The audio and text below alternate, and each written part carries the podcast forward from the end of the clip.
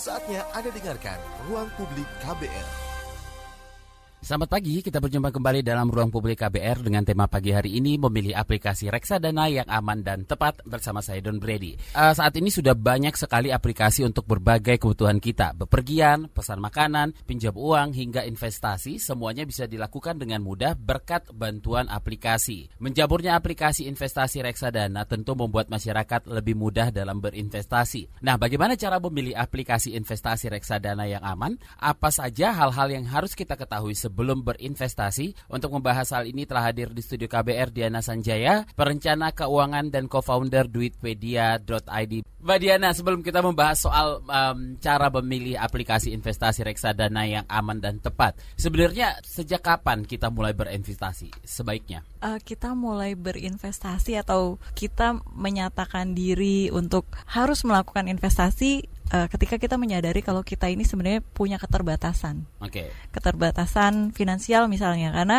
kalau misalnya uang kita cukup-cukup aja mau beli aset nggak usah investasi tinggal buka laci langsung ada. Hmm. Tapi karena kita sadar kita terbatas finansialnya mau nggak mau kita harus melakukan investasi. Hmm, kita okay. kumpul kumpulin sedikit demi sedikit. Nggak cuma itu, mungkin keterbatasan waktu produktif juga perlu kita sadari. Jadi kita harus memahami kalau kita ini nggak selamanya bisa bekerja dan menghasilkan uang, tapi ada saatnya nanti di mana kita perlu pensiun tapi pengeluaran jalan terus. Nah, itu yang harus kita pahami dulu sehingga kita punya niat untuk melakukan investasi. Kalau um, plus minusnya investasi ketimbang menabung di bank apa nih, Mbak? Ya, kalau menabung di bank itu lebih minim resiko. Ah. Karena di bank ini kan kita sudah tahu mekanismenya ya, mudah dipahami. Jadi kita taruh uangnya di bank, bank lalu meminjamkan ke nasabah-nasabahnya. Uh, dan kalau misalnya banknya likuidasi pun ada LPS nih yang hmm. menjamin uang kita yang ada di bank. Tapi kalau berinvestasi ini resikonya lebih tinggi sedikit lagi karena untuk investasi ini uh, kita perlu tahu investasinya ini di mana dan mekanisme mekanisme untuk mendapatkan returnnya seperti apa. Oke, okay. jenis investasi itu kan ada banyak banget ini macam-macamnya Mbak Diana. Salah satunya investasi reksadana yang katanya lebih aman dan cocok bagi masyarakat umum. Nah, bisa dijelaskan secara sederhana apa itu investasi reksadana? Investasi reksadana ini adalah salah satu investasi yang basis atau isinya adalah instrumen-instrumen finansial hmm. yang ada di pasar modal.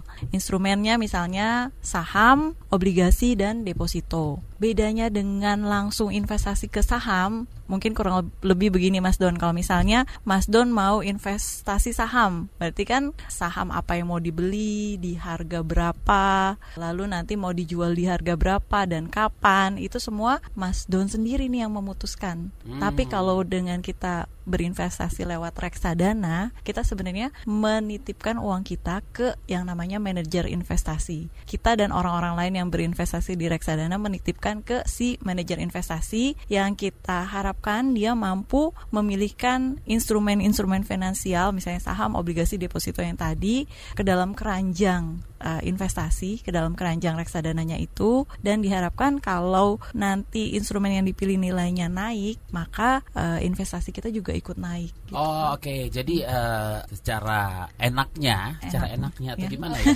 secara sederhananya berarti kita mempercayakan duit. Ya, ke duit manajer kita kepada manajer investasi ya. itu orang ya. Uh, ya, sebuah tim. Sebuah tim. Ya. Oke. Okay. Saya punya duit, oke, lalu kemudian uh, si manajer investasi ini memilihkan kira-kira mana investasi yang bisa memberikan keuntungan bagi kita atau lewat persetujuan kita kah atau mereka sendiri yang mengelola? Mereka yang mengelola. Hmm. Karena bentuknya retail eceran, uh, jadi si manajer investasi itu sudah membentuk dalam satu keranjang investasinya itu. Nah, nanti dari keranjang sepanjang investasi ada yang istilahnya AUM atau Asset Under Management. AUM-nya ini nanti dibagi lagi dengan berapa orang yang ikut di situ yang ah, menyertakan okay. di situ. AUM dibagi unit penyertaan ketemulah harga unit reksadana. Nah, kalau keranjang investasi nilainya naik, maka diharapkan harga unit reksadananya juga ikut naik. Hmm, Oke, jadi kalau pengen ikutan reksadana ini berarti kita harus mempunyai apa namanya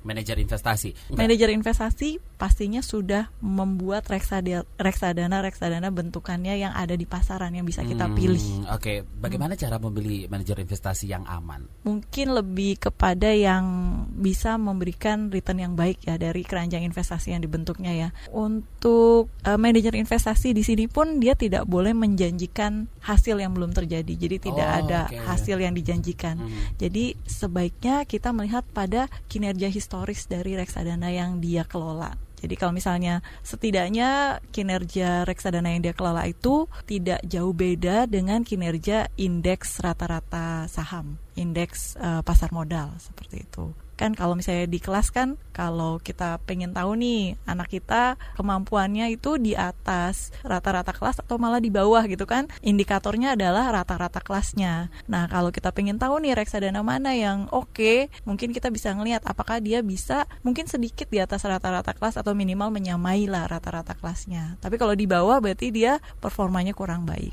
Hmm, Tadi return itu sama dengan keuntungan ya, Mbak ya? Iya, Ah, ni- return, kinerja. Kinerja. Oh, oke, baik. Investasi reksadana. Oke, ini cocok untuk kondisi keuangan seperti apa?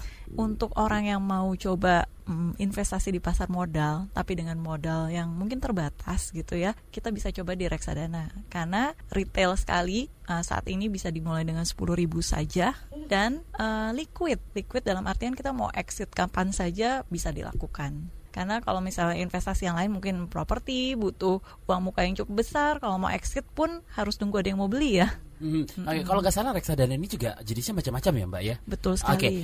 mana yang lebih banyak digunakan masyarakat yang atau yang sebaiknya dipilih? kembali lagi seperti yang di awal ketika kita mau investasi eh, tujuannya untuk apa? Kalau Hmm. misalnya tujuannya untuk yang jangka pendek, yang eh, benar-benar tidak boleh meleset gitu. Misalnya mau menikah enam bulan lagi. Kalau misalnya kita investasi di instrumen yang terlalu eh, beresiko, nanti bisa-bisa dana menikah kita eh, hilang ya. Oke. Jadi sebaiknya ditempatkan di reksadana yang punya eh, resiko lebih kecil lagi, yaitu reksadana pasar uang. Hmm. Karena di dalam reksadana pasar uang, isi keranjangnya adalah instrumen pasar uang, instrumen yang akan jatuh tempo dalam waktu satu tahun, jadi lebih eh, kecil resikonya. Oke, eh, mungkin pendengar juga eh, sudah apa namanya sudah sering mendengar reksadana itu apa gitu ya, dan juga tadi penjelasan Mbak Diana seperti apa reksadana itu. Kalau untuk lebih sederhananya lagi nanti kita bisa nggak sih eh, simulasi sedikit, simulasi gitu ya maksudnya.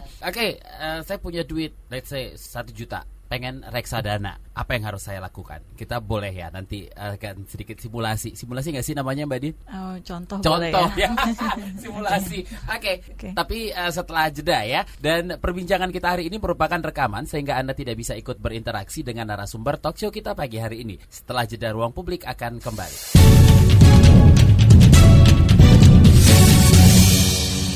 Anda masih mendengarkan Ruang Publik KBR bersama saya Don Brady yang pagi ini mengangkat tema memilih aplikasi reksadana yang aman dan tepat bersama Diana Sanjaya, perencana keuangan dan co-founder duitpedia.id. Oke, Mbak Diana, saya punya dana satu juta, bingung mau diapain nih gitu ya. Saya sudah dengar reksadana, bege- eh, saya sudah dengar eh, penjelasan Mbak Diana, tapi saya kurang mengerti. Oke, contohnya eh, harus saya apakan nih satu juta? Kalau Mas Don mau investasikan ke reksadana Iya. uang yang satu jutanya ini dengan asumsi eh, ini bukan yang akan digunakan dalam waktu dekat, Betul. tapi mau mencoba Saving gitu loh. Ya, mau Eh. mencoba untuk uh, berinvestasi di reksadana itu mudah banget karena sekarang ini sudah banyak aplikasi yang bisa untuk uh, berinvestasi reksadana secara online. Jadi cukup download aplikasinya lalu dan bisa juga dibayar lewat uh, dompet digital, OVO atau uh, Dana? Dana saya belum tahu, tapi Hmm. yang setahu saya OVO link aja sudah bisa Oke. ya. Nah, top up ke situ lalu nanti akan terkonek. Nanti ketika mau investasi eh, akan ditanya dibayar dengan apa. Lalu eh, langsung klik aja, pilih setelah setelah download aplikasinya, pilih reksadana mana yang mau dibeli, lalu pilih pembayarannya dengan apa, misalnya dengan tadi dompet digital langsung diklik, lalu sudah Mas Don sudah punya reksadana dengan eh, nilai satu juta. Nah, Ah, oke. diharapkan nanti kan satu juta ini dikonversi ke unit ke jumlah unit. Sama seperti beli emas ya. Misalnya Hmm. satu juta satu gramnya lima ratus ribu berarti kita dapat 2 gram ya. Ya. katakanlah dari satu juta itu Mas Don eh, mendapat seribu unit. Katakanlah karena harga unitnya seribu juga ya. Katakanlah seperti itu. Nah, seiring berjalannya waktu, harga unitnya naik, misalnya jadi 1.500 uh, dari 1.000 unit uh, yang Mas Don punya dengan nanti harganya naik jadi 1.500. Jadi uh, nilai investasinya Mas Don itu jadinya 1.000 kali 1.500 jadi 1.500. Oke, jadi seperti itu ya. Nah, tadi Mbak Diana juga eh, sempat singgung secara online. Nah, kalau dulu kita tahu investasi reksadana ini secara offline ya, Ya. dan harus em, ke tempat-tempat tertentu yang menyediakannya. Prosesnya bisa dibilang rumit gitu. Sekarang Ya. sudah gampang dong ya. Tapi em, dengan adanya aplikasi dan tentunya bisa menjangkau lebih banyak orang. Nah, apa saja hal-hal yang harus diketahui masyarakat sebelum menggunakan aplikasi investasi reksadana ini, Mbak Diana? yang perlu dipahami mungkin ketika berinvestasi lewat aplikasi, si aplikasi ini hanya sebagai agen penjual. Tetap yang bertanggung jawab atas nilai reksadananya itu sendiri adalah si manajer investasi. Hmm. Jadi eh, si aplikasi ini hanya sebagai agen penjual atau saluran penjualan reksadana dari si manajer investasi tadi. Jadi tetap pemilihan yang paling penting lebih kepada pemilihan MI dan produk reksadananya itu sendiri. Hmm, Oke, nah sekali lagi kembali kami ingatkan untuk Anda kalau perbincangan kita hari ini merupakan rekaman sehingga Anda tidak bisa ikut berinteraksi dengan narasumber kita di pagi hari ini. Mbak Diana, kalau em, pinjaman online kan mengharuskan eh, mengirimkan fotokopi dan juga foto kita sendiri. Kalau aplikasi reksadana seperti itu juga? Ada yang iya, ada yang tidak. Mungkin karena sekarang juga sudah tersedia di Tokopedia dan Bukalapak. Kalau yang sudah sering transaksi di sana eh, tidak diperlukan lagi. Tapi kalau untuk yang aplikasi investasi itu masih diperlukan untuk foto kopi KTP dan selfie dengan KTP. Oke, kalau syarat-syarat yang eh, diminta kepada yang mau berinvestasi itu biasanya apa sih? Selain Eh. fotokopi KTP, kalau melewat aplikasinya sendiri ya? Ya, kalau lewat aplikasi eh, nanti ketika mau mencairkan Ah. akan diminta eh, nomor rekening bank. Jadi diperlukan mm, rekening bank sebenarnya. diperlukan ke rekening bank, di Ya. identitas diri apa semua itu nggak nggak diperlukan? Eh, diperlukan KTP. KTP ya. Ya. KTP. Oke. Nah, tadi juga di awal sudah sempat saya tanyakan bagaimana cara memilih manajer eh, apa namanya investasi yang aman dan menguntungkan. Nah, kalau cara memilih aplikasi reksadana yang aman dan tepat itu seperti apa? Eh, Pertama, sebaiknya sih aplikasi yang dipilih adalah aplikasi yang sudah punya lisensi OJK atau biasanya di aplikasinya nanti kita lihat di bawahnya itu ada logo OJK, OJK, atau oke, tidak gitu. uh-huh. Dan siapa nih eh, orang-orang yang eh, membuat aplikasi tersebut? Kita bisa Google mungkin cari informasi aplikasi ini dibentuk oleh siapa, track recordnya seperti apa. Karena kadang-kadang tiap aplikasi itu ada keunikan-keunikan tersendiri. Ada yang punya fitur robot katanya, jadi bisa Ya, robotnya yang bekerja buat kita gitu eh, ya. bisa membuatkan portofolio untuk si nasabah sesuai dengan profil resiko. Jadi sebaiknya ditempatkan berapa persen di reksadana pasar uang, ditempatkan di reksadana saham, di reksadana campuran gitu. Jadi sudah di set sama robotnya. Oke, Seperti itu. tadi juga eh, katanya dengan modal 10.000 itu kita bisa mulai berinvestasi reksadana. Nah, untuk awal sebenarnya seberapa besar sebaiknya modal yang kita tanamkan ini, Mbak Diana? Kalau dari sisi perencanaan keuangan sendiri sih sebaiknya memang eh, dihitung dengan lebih cermat ya. Jadi kita misalnya mau punya rumah harus mengumpulkan DP. Berarti dengan asumsi return katakanlah 15% selama 10 tahun. Jadi kita bisa tahu tuh eh, berapa cicilan eh, yang harus kita lakukan setiap bulan. Hmm. Tapi kalau mau sebagai pemula saja, mungkin kita bisa ambil kisaran 10% dari pendapatan kita bisa kita investasikan. Kita investasikan ya. Hmm. 2019 tinggal hitungan hari dan tahun depan itu 2020. Ada kisi-kisi nggak sih Mbak eh, investasi reksadana apa yang menguntungkan 2020? Kisi-kisi gitu. Bocoran, bocoran. Eh, mungkin kalau reksadana ini reksadana saham karena dia uh, underlying atau isi keranjangnya adalah instrumen pasar modal. Hmm. Kalau saat ini keadaan pasar modalnya agak lesu, pasti nilai reksadana juga ikut turun. Iya Uh, tuh lagi ada uh, isu-isu apa namanya? ya itulah ekonomi global lagi lesu Ya. apa itu gimana tuh Mbak? Tapi kalau untuk orang-orang yang agresif malah menganggap saat ini adalah saat yang tepat untuk membeli karena sedang diskon katanya. Ah. Karena sedang turun. Oh, Untuk orang-orang yang investasi malah menguntungkan. uh, Reksadana maksudnya? menguntungkan tapi kita perlu punya horizon investasi yang jangka panjang karena biasanya investor itu optimis optimis dalam artian ketika turun nanti dia akan bounce back lagi tapi kalau untuk orang-orang dengan profil resiko yang konservatif atau takut terhadap resiko bisa jadi sekarang masuk eh, sampai akhir tahun bisa jadi lebih turun lagi Hmm, gitu oke. jadi malah tambah takut ya Eh, tadi bocorannya tadi apa? Tadi belum. Eh, tergantung dari profil resikonya sih. Keadaan Ah. ini eh, baik atau tidak tergantung dari profil. Kalau dia mampu menahan resiko, dia malah menganggap momentum turun itu adalah momentum diskon. Oke, baik. Tapi ya harus dilihat dulu ya. eh, kita mau investasi reksadana itu tujuannya apa? Seperti yang Mbak Diana tadi katakan. Kalau misalnya nih, misalnya 2020 pengen menikah, reksadana yang seperti apa ini? Oke, Eh, karena- tipsnya di Karena 2020 eh, sebentar lagi, banyak maka tanggal cantik soalnya 02 02 20 gitu ya. Oh iya iya iya. Iya, itulah ya. Jadi Gimana? tidak disarankan untuk reksadana yang beresiko seperti yang lebih beresiko seperti campuran dan saham. Jadi kalau tinggal enam bulan lagi mau menikah, ya simpannya di reksadana pasar uang saja. Pasar uang. Ya, cukup eh, baik juga returnnya eh, bisa sekitar imbal hasil deposito 5 sampai 7% net dan eh, mungkin kelebihannya adalah kalau di deposito kan inisial masuknya cukup besar dan kalau kita mau mencairkan mungkin perlu ke bank. Kalau di aplikasi cukup pencet-pencet masih pakai daster belum sikat gigi udah Hmm. bisa eh, cairin investasi. Oke, Mbak sebenarnya eh, ribet gak sih berinvestasi reksadana ini? Kok, kok ya dari tadi ada banyak banget lagi ternyata instrumen-instrumen yang ada di dalamnya gitu loh. Sebenarnya kita perlu punya skill khusus atau harus baca buku apa dulu atau berguru dulu ke orang yang sudah berhasil atau memang ya sudahlah namanya juga eh, investasi namanya juga resiko pasti ada gitu. Betul banget Ah. Mas Don. Jadi ketika kita sudah lebih naik kelas dari sekedar menabung dan uh, mulai menjajaki instrumen lain misalnya reksadana, mindset untuk resiko pasti ada itu pun harus dipegang. Betul. Uh, jadi ketika kita mau investasi dan ternyata mengalami kerugian, kita sudah nggak kaget istilahnya gitu. Kaget juga sih, Mbak. Tapi nggak kaget banget gitu ya. Oke, oke. Nah, untuk investasi reksadana sendiri sih sebenarnya tidak sulit-sulit amat ya. Hmm. Tapi yang namanya isi keranjangnya adalah pasar modal, jadi sebaiknya cukup update dengan berita-berita pasar modal itu aja. cukup update dengan Hmm. eh, berita-berita pasar modal Iya. gitu. Oke. Em, tapi ya mm, apa namanya upgrade ya berarti naik kelas ya dari sekedar menabung Mm-mm. mulai kita berinvestasi Iya. gitu.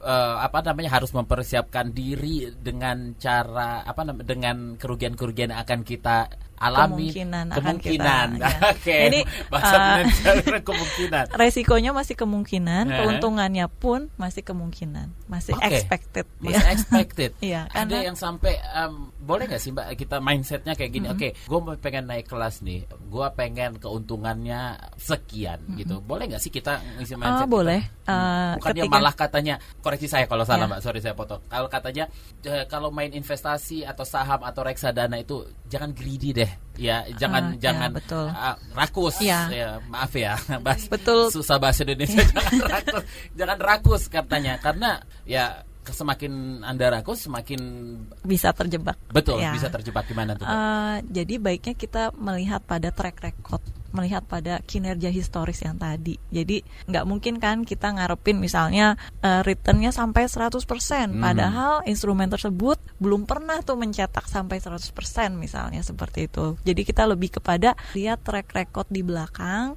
dia ini eh, rata-ratanya, misalnya kita mau investasi lima tahun, berarti rata-rata kemarin dia lima tahun ke belakang itu mencapai di berapa sih angkanya? Nah itu boleh kita eh, jadikan asumsi atau acuan untuk eh, berapa yang akan kita terima. Ruang publik akan masih terus berlanjut usai jeda dan siaran pagi ini bisa disimak di 100 radio jaringan KBR dari Aceh hingga Papua serta di website kami kbr.id. Jangan ke mana-mana.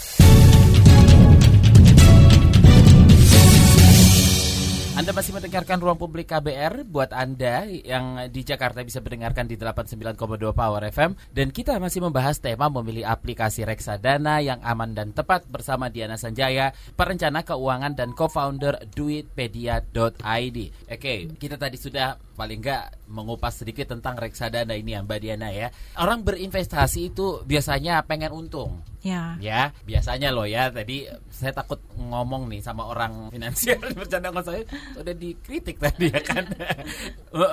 nah, apa tips yang bisa Mbak Diana berikan agar investasi reksadana yang dilakukan lewat aplikasi khususnya ya membawa manfaat sesuai yang diharapkan? Jadi kita perlu yang pertama memahami bagaimana sih uh, mekanisme si reksadana ini bisa memberikan keuntungan bagi kita. Sebenarnya sama sih seperti dagang aja. Kita berharap belinya di harga rendah, nanti ketika kita mau cairkan, harga unitnya tuh udah mulai naik tadi. Kalau beli mungkin awalnya di satu unit seribu, kita harapkan pas mau kita cairkan ya mudah-mudahan bisa satu unit jadi dua ribu. Jadi kan hmm. nilai investasi kita udah berkembang dua kali lipat ya. Jadi memahami uh, mekanisme bagaimana kita mendapatkan keuntungan itu perlu. Nah, selain itu perlu juga dipahami kalau lewat aplikasi biasanya itu tidak ada orang yang bisa ditanya-tanya ataupun ada baru sekedar chat aja ya. Kalau misalnya ada yang bisa ditanya-tanya akan lebih bagus lagi. Jadi ketika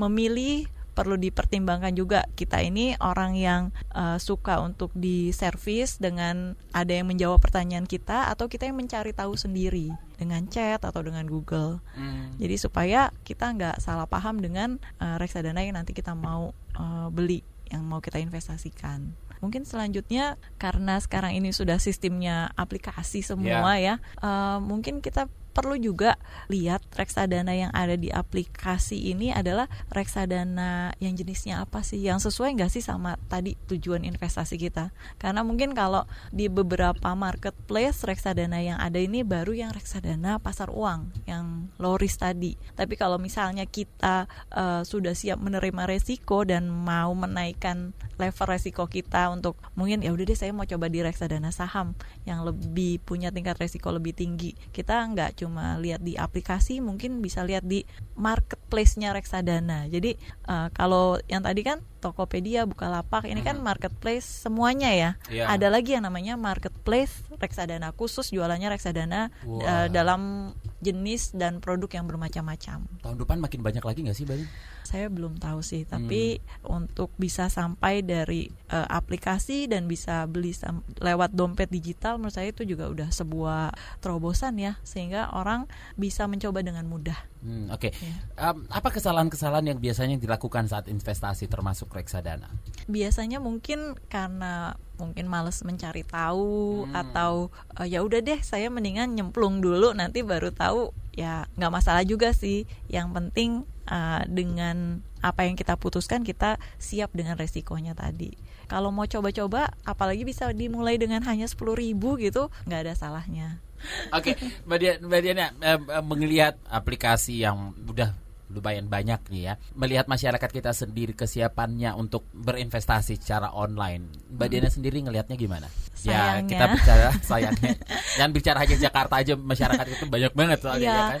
Sayangnya yang dari beberapa orang yang, yang saya temui, uh, mindsetnya masih mindset yang deposito. Jadi kasih uang, lalu saya dapat berapa nih? Dan berharap uh, nilai pokok investasi saya ini tidak berkurang. Hmm Nah, kalau uh, masih mindset seperti itu mungkin ke reksadana pasar uang saja atau mungkin kalau dia ada dananya lebih mungkin ke reksadana terproteksi yang memang memproteksi apa ya nilai awalnya. Tapi ketika mau mencoba reksadana yang dengan uh, tingkat resiko yang lebih tinggi, nah mindsetnya ini harus bergeser harus benar-benar paham uh, investasi di reksadana itu bukan sekedar menitipkan uang lalu harus kembali pokok dengan bunganya, hmm. tapi ini menitipkan dana ke manajer investasi yang membelikan ke instrumen finansial seperti saham saham, obligasi, deposito yang nilainya bisa naik turun. Jadi ketika nilai investasinya turun, itu bukan berarti uh, dibawa kabur sama MI-nya uangnya, tapi memang nilai investasinya sedang turun, hmm. gitu. Uh, dan di dalam reksadana sendiri pun perlu dipahami ini ada dua pihak ada MI dan ada bank kastodi atau bank kastodian. Si MI yang bertugas meracik reksadana, yang um, punya strategi ini reksadananya mau diapain. Nah, si bank kastodi ini yang uh, mencatat pembukuan reksadana, yang membayar-bayarkan itu si bank kastodi dan uangnya pun ada di bank kastodi tadi. Uh, ini dilakukan uh, pemisahan supaya si MI-nya pun diharapkan tidak melakukan fraud terhadap dana nasabah. Hmm, Oke, okay. hmm. Kenapa mindset masyarakat kita itu belum bisa hmm. belum bisa bilang naik level atau berubah berubah hmm. naik level kayaknya nggak enak banget ya ngomongnya ya berubah gitu ya berubah apa karena memang ya ketakutan uh, karena ya literas, duitnya iya. habis atau gimana gitu iya ketakutan uh, akan melakukan investasi karena ternyata uh, ketakutan tersebut juga beralasan sih mas hmm. karena ada juga sih uh, investasi investasi yang ngakunya ini adalah investasi yang baik ternyata uh, ujung-ujungnya si yang dipercayakan melarikan diri, Investasi kabur bodoh. dan sebagainya. Bukan ya. melulu si masyarakatnya orangnya yang salah ya, ya. kenapa takut, uh, uh, tapi ternyata investasi itu sendiri masih berjamuran di masih Indonesia. berjamuran di Indonesia. Oke, okay. tapi ngelihat balik lagi deh pertanyaan yang ngelihat tahun depan itu mungkin akan semakin tumbuh lagi. Uh, ada nggak okay. sih usaha dari kalau dari pemerintah sendiri itu sebenarnya uh, ngelihat masyarakat kita sudah siap nggak sih uh, atau atau namanya kita dipersiapkan nggak sih meng mengarah hmm. ke sana gitu Mbak okay. ngelihat jalan-jalan ini karena rencana Bapak Presiden kita ya SDM itu akan ditingkatkan gitu berencana ke sana nggak? Uh, masuk nggak? Iya. Saya lihat sih dari program-program yang dilakukan oleh OJK di mana uh, mereka memang berusaha untuk menaikkan tingkat literasi keuangan di Indonesia yeah. dengan hmm. mengadakan roadshow ke berbagai daerah dengan uh, mengenalkan beberapa instrumen dan juga uh, memberi tips and trick uh, membedakan mana yang legal mana yang tidak legal itu uh, menurut saya itu usaha yang patut kita apresiasi ya adalah uh, usaha untuk mengarah menaikkan tingkat literasi keuangan di Indonesia. Hmm, Oke, okay. hmm. dan ngomongin soal uh, reksadana lagi, berarti um, koreksi saya sekali lagi kalau salah Mbak Diana, kita boleh main investasi atau reksadana ini kalau kita sudah punya duit lebih atau tabungan yang memang oke okay, misalnya saya ada tabungan nih mm -hmm. ini nggak bisa diganggu gugat lagi mm -hmm. nih saya ada duit lebih oke okay, saya main reksadana ya silahkan nggak masalah. masalah karena uh, reksadana ini salah satu instrumen investasi yang bisa kita gunakan untuk mencapai tujuan keuangan kita mm -hmm. instrumen kan misalnya instrumen properti atau mau bisnis atau mau pakai emas Nah, atau mau pakai reksadana. Hmm. Semua instrumen ada plus dan minusnya. Hmm. Nah, untuk yang reksadana sendiri plusnya adalah ya tadi bisa retail, bisa kita pantau kinerjanya naik turunnya, lalu bisa kita misalnya butuh mau dicairkan cepat juga bisa seperti itu. Hmm. Jadi hmm. untuk investasi tadi Mbak Diana juga sebutkan 10% dari pendapatan kita. Ini yeah. di luar tabungan berarti. Ada uh, tabungan tetap yang harus kita simpan juga nggak sih? Ini bisa menjadi tabungan. Jadi Oh, ini bisa uh, menjadi bisa tabungan. Menjadi tabungan. Okay. Iya. Tapi tadi kalau misalnya tujuannya adalah misalnya menabung untuk mempersiapkan dana darurat gitu ya. Yeah. Iya. Uh, kita bisa pakai jenis reksadana yang pasar uang saja gitu kan. Tapi kalau misalnya mau menabung atau mau uh, berinvestasi untuk tujuan dana pensiun mungkin yeah. karena jangka panjang, kita bisa pakai reksadana yang lebih agresif tadi. Misalnya reksadana yang isinya adalah uh, instrumen saham, instrumen pasar modal yang lebih agresif. Oke. Okay. Gitu. Jadi lebih ke pemilihan hmm. produk reksadana mana. Oke, okay, berarti pertanyaan saya tadi mindsetnya itu tetap aja nih saya harus punya duit diem nih.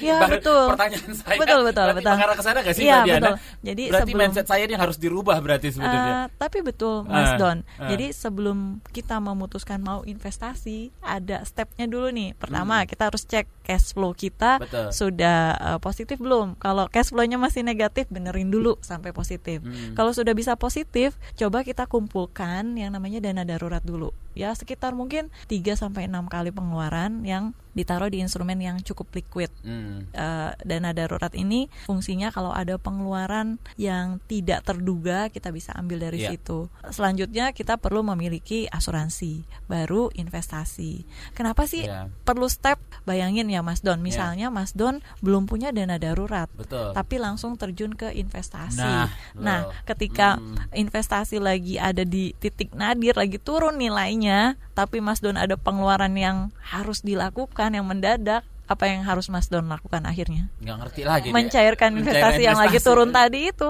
Rugi dong. Nah, jadi makanya sebelum iya, iya, iya, sebelum berinvestasi milikilah dana darurat terlebih dahulu. Oke, Nah, berarti stepnya tadi punya dana darurat dulu, Iya. ya kan? Terus juga asuransi. punya asuransi, Punya asuransi. minimal untuk si pencari nafkah. Karena kita Ah. juga nggak mau kan udah investasi capek-capek terjadi resiko akhirnya investasi yang tadi kita kumpulkan malah untuk membayari resiko.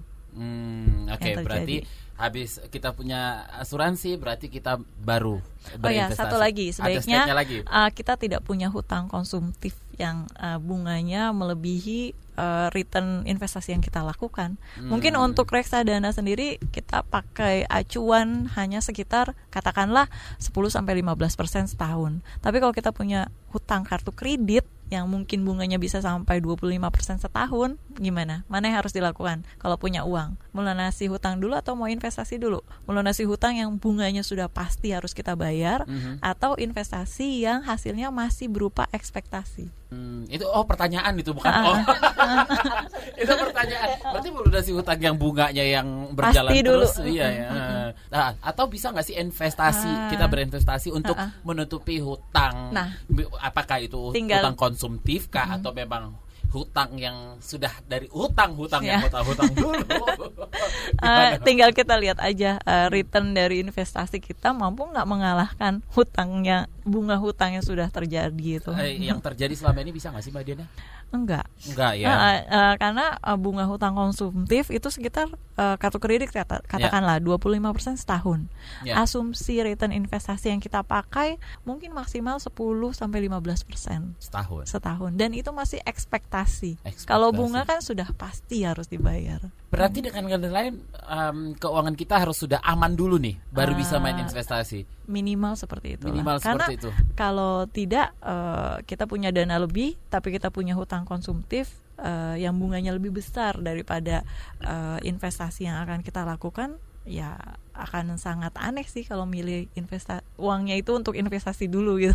Oke, tadi juga Mbak Diana sebutkan eh, apa namanya reksadana pasar uang. Pasar uang itu boleh dijelaskan seperti apa Mbak Diana? Ya.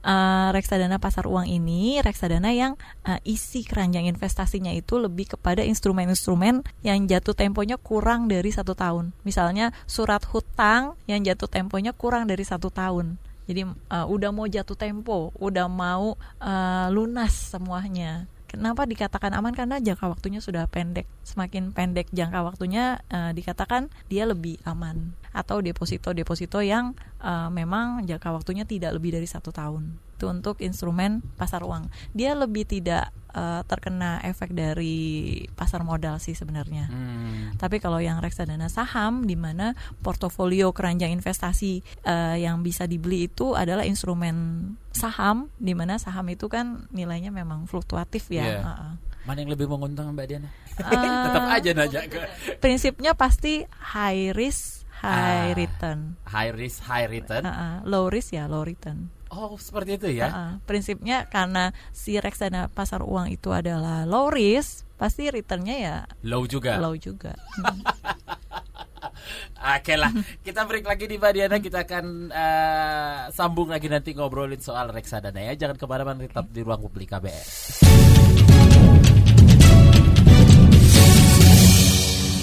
Kita tiba di bagian akhir ruang publik KBR hari ini bersama saya Don Brady dan bagi Anda yang tidak sempat mendengarkan siaran ini secara utuh, kita Anda bisa mendengarkannya kembali di podcast kbrprime.id lalu pilih ruang publik KBR. Sekali lagi tinggal Anda ketik kbrprime.id lalu pilih ruang publik KBR. Jadi Anda bisa mendengarkan pembicaraan ini dari awal lagi ya. Saya masih bersama Diana Sanjaya, perencana keuangan dan co-founder duitpedia.id. Oke, Mbak Diana, kita di em, segmen terakhir masuk tahun baru ya kan? Biasanya orang-orang membuat resolusi keuangan. Biasanya resolusi keuangan yang di apa ya kemarin istilahnya resolusi 2020 yang dipersiapkan 2019 yang direncanakan 2018 yang diangan-angankan dari 2017 yang intinya nggak akan kecapai juga ya. Nah, terkait investasi reksadana, ini apakah ada waktu yang tepat untuk memulainya? Seperti misalnya awal tahun kah atau uh, nggak ada bedanya? Kapan aja lu bisa mulai? Ya, betul Mas Don. Hmm. Kapan aja sebenarnya bisa mulai. Jadi waktu yang tepat adalah uh, kalau kata orang uh, kapan uh, waktu investasi yang tepat? Kemarin katanya kemarin karena kita udah tahu hari ini tuh yang naik yang mana, yang rugi yang mana. Tapi waktu terbaik yang uh, kedua adalah uh, saat kita punya uang. Hmm. Jadi ketika kita punya uang yang sudah siap kita investasikan, sudah melewati step-step yang tadi, uh, sebaiknya langsung kita lakukan karena kalau kita menunda ternyata ada uh, harga yang harus dibayar dari penundaan investasi yang kita lakukan. Hmm, Karena kita nah. jadi kehilangan kesempatan untuk mendapatkan hasil dari investasi. Oke. Nah, biasanya akhir tahun itu bakal ada bonus atau THR ya. Gimana memanfaatkannya nih, Mbak Diana? Apakah langsung investasi? Karena THR pasti ada peruntukannya ya biasanya ya Ah, ya. peruntukannya untuk hari raya ya. Jadi eh, daripada kita jadi ibaratnya apa ya susah karena investasi. Jadi saking mau investasinya sampai lupa untuk Ngasih merayakan reward. kebahagiaan Ya, bersama betul. keluarga. Jadi eh, menurut saya sih ada baiknya untuk kita eh, mengambil eh, porsi lah, tapi tidak semuanya. Kalau sudah ada peruntukannya. Gitu. Sama sih Mbak Dian. Ini kan momennya sekali setahun ya, Iya. akhir tahun ya sama sama keluarga. Iya. Pembelaan sih sebenarnya Momen- itu ya. Momen-momen yang memang eh, tidak bisa kita Betul. eh, apa paksakan untuk kita hilangkan demi untuk melakukan investasi. ya. Tapi sebenarnya Mbak Dian seperti apa Mbak Diana melihat kebutuhan akan berinvestasi saat ini? Investasi sebenarnya bukan sekedar pilihan lagi, tapi harusnya udah jadi kebutuhan. Karena kalau kita tidak berinvestasi, nanti eh, pada saatnya kita akan kehilangan momentum investasi. Karena semakin eh, jangka panjang investasi yang kita lakukan eh, dari dari data yang sebelumnya tuh eh, hasilnya akan semakin baik. Dan memang seperti yang tadi kita sudah singgung di awal eh, kita punya keterbatasan waktu produktif. Semakin waktu produktif kita ini semakin sempit berarti gimana investasi yang kita lakukan jadi semakin besar untuk mengejar ketertinggalannya kita investasi Hmm, dengan kata lain eh, kita harus mendorong masyarakat untuk berinvestasi seperti itu? betul sekali Hmm. jadi tidak hanya lagi jadi pilihan mau investasi atau enggak tapi harusnya udah jadi kebutuhan karena menyadari keterbatasan yang kita miliki Hmm, Oke, plus minus reksadana dibandingkan investasi yang lain, Mbak Diana?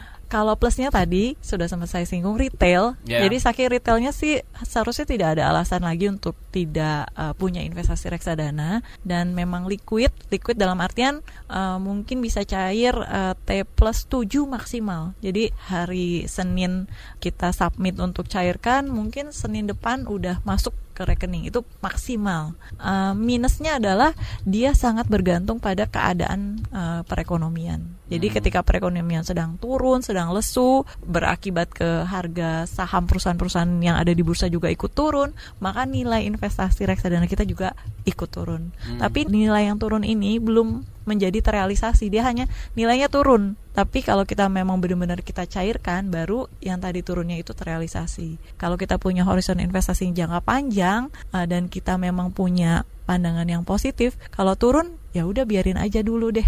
Nanti uh, uh, kita tunggu sampai dia bisa naik lagi. Oke oke. Tapi anytime nggak sih bisa kita cairin, Mbak? Anytime. Bisa beli hari ini seminggu kemudian Silahkan cair bisa. Tapi ya mau ngapain gitu? mau ngapain cuma investasi seminggu gitu? Berarti Ah. memang dana daruratnya belum siap seperti itu, Mbak Diana. Hmm, bisa dikatakan begitu. Gitu Atau ya. kita mau coba ini ya, mau coba bener nggak sih ini bener-bener bisa cair dalam seminggu gitu ya? Ah, tapi itu bisa ya, udah ya. Sudah- dipastikan bisa ya. Ya, selama ini saya berkali-kali uh, redemption, maksudnya uh, redemption itu kan Redemption, menjual unit saya, ya seperti itu maksimal tujuh hari. Maksimal tujuh hari. Udah dapat keuntungan di situ, Mbak. Ada beberapa yang sudah ada keuntungan. Tapi mungkin kalau misalnya reksadananya nggak naik-naik uh, dalam artian mungkin underperform, Aha. performnya di bawah rata-rata kelas Ya. tadi, uh, ada beberapa yang sudah saya uh, jual lah, uh, apa dialihkan ke reksadana lain yang lebih uh, performnya bagus. Oke. Uh, memakai teknologi tentunya harus diikuti dengan pemahaman soal dampak yang ditimbulkannya nih Mbak Diana ya terkait investasi reksadana ini sekarang semuanya serba online Oke, Mbak Diana ngelihatnya, melihat literasi masyarakat kita dengan sistem online ini seperti apa? Tadi kita sempat Hmm. singgung juga soal mindset yang masih saja Iya. betah dengan deposito di bank gitu dengan mengharapkan bunga per bulannya seperti Iya. itu. Ngelihat literasi di masyarakat kita ini. Uh, mungkin dengan online ini sih diharapkan uh, masyarakat yang tadinya suka belanja online ini bisa mencoba belanja hal yang lebih baik yaitu belanja Nah. instrumen investasi. Oke. Karena memang sudah benar-benar uh, digunakanlah teknologi online ini supaya memudahkan masyarakat. Jadi belanja online boleh, tapi jangan belanja barang aja, belanja produk investasi juga. Hmm, ya. Oke, kembali lagi ke pemerintah nih, Mbak Diana. Presiden Jokowi saat ini sedang giat-giatnya mendorong investasi, investasi, investasi, investasi. Kalau dulu kerja, kerja, kerja. Oke.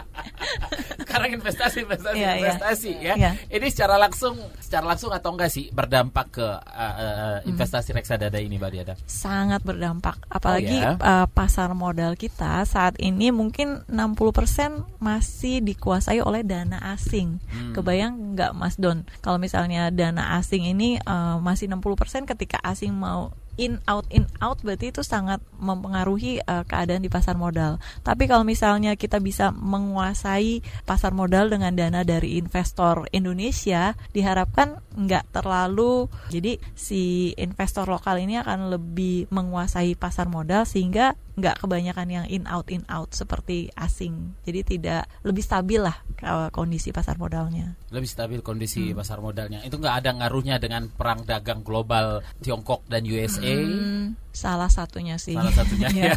Tapi diharapkan kalau investor lokal yang punya porsi dana lebih banyak dibandingkan asing, jadi asing tuh tidak terlalu bisa mendominasi keadaan Ah. pasar modal di Indonesia. Oke, oke. Mbak Diana, eh, apa sih yang apa namanya? Ini ini kita nge-review lagi nih. Kalau misalnya ada orang yang memang pengen benar-benar berinvestasi, mulai berinvestasi, katakanlah resolusi keuangan 2020 gitu.